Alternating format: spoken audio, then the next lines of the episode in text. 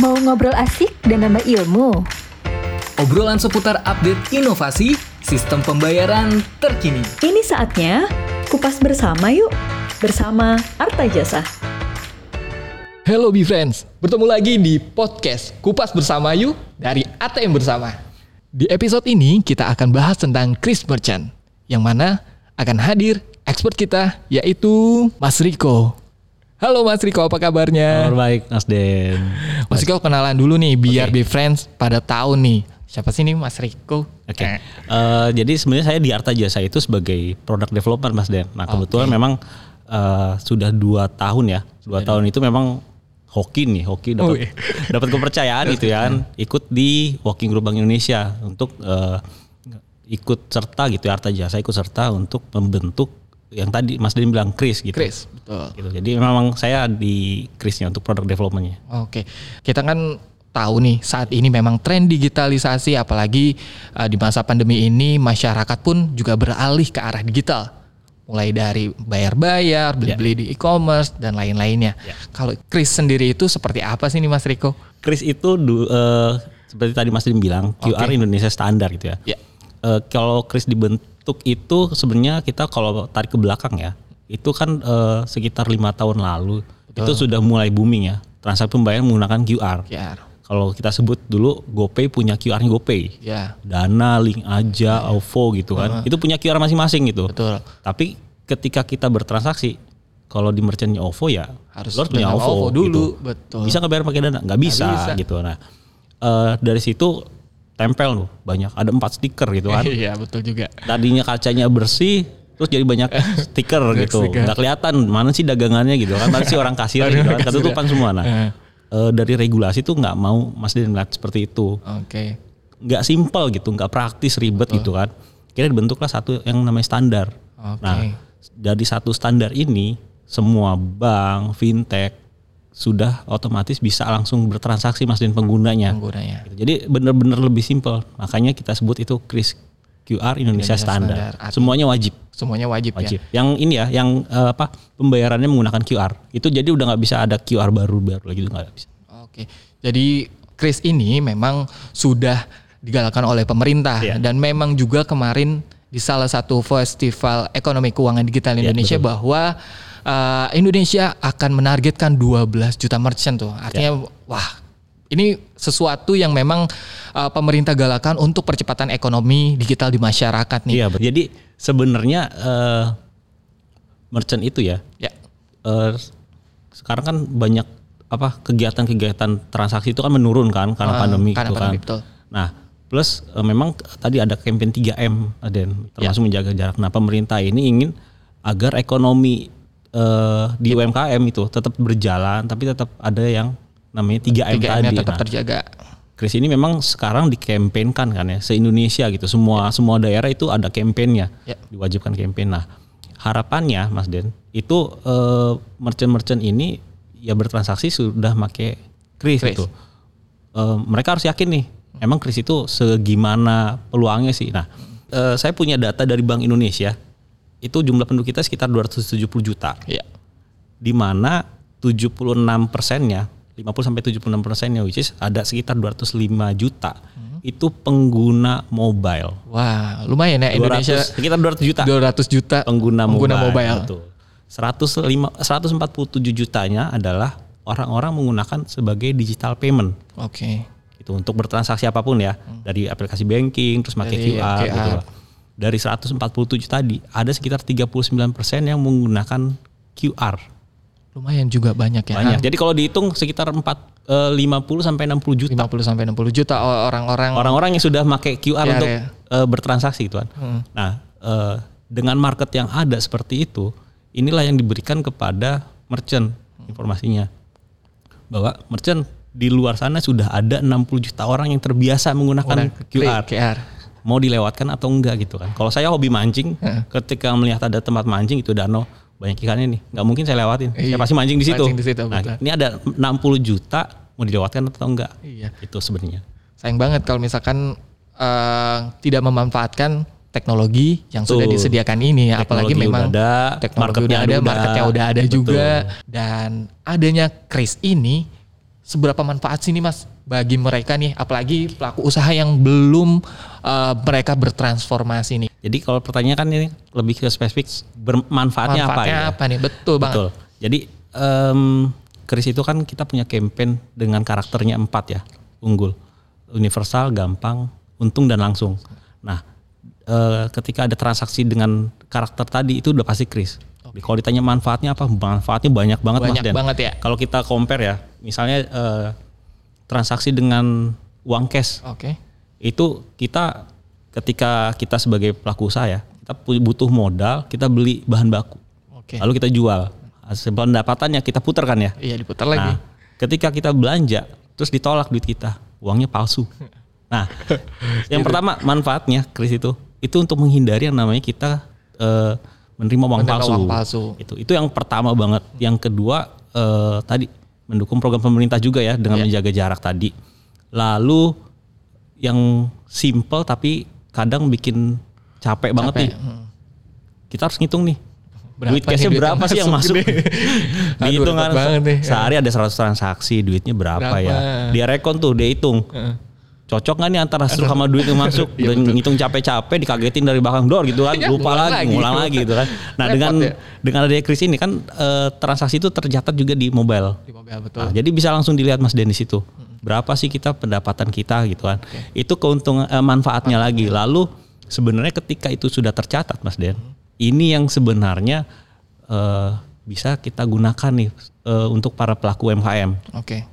Digunakan sebagai apa gitu? Digunakan sebagai dasar kita mengajukan modal atau kredit ke, Kredit ke perbankan, perbankan, atau ya. fintech gitu ya. Eh, kan selama ini kan kalau kita ngajuin modal gitu kan, pasti ada interview dulu. Ya. Berapa sih apa sih usaha lu gitu. Gua ngasih lu eh, sekian besar dasarnya apa gitu Oh, kan. Nah, oke. ketika kita sudah membawa transaksi kris kita, itu sebenarnya simple banget buat Bang. Oh, oke transaksi banyak kok.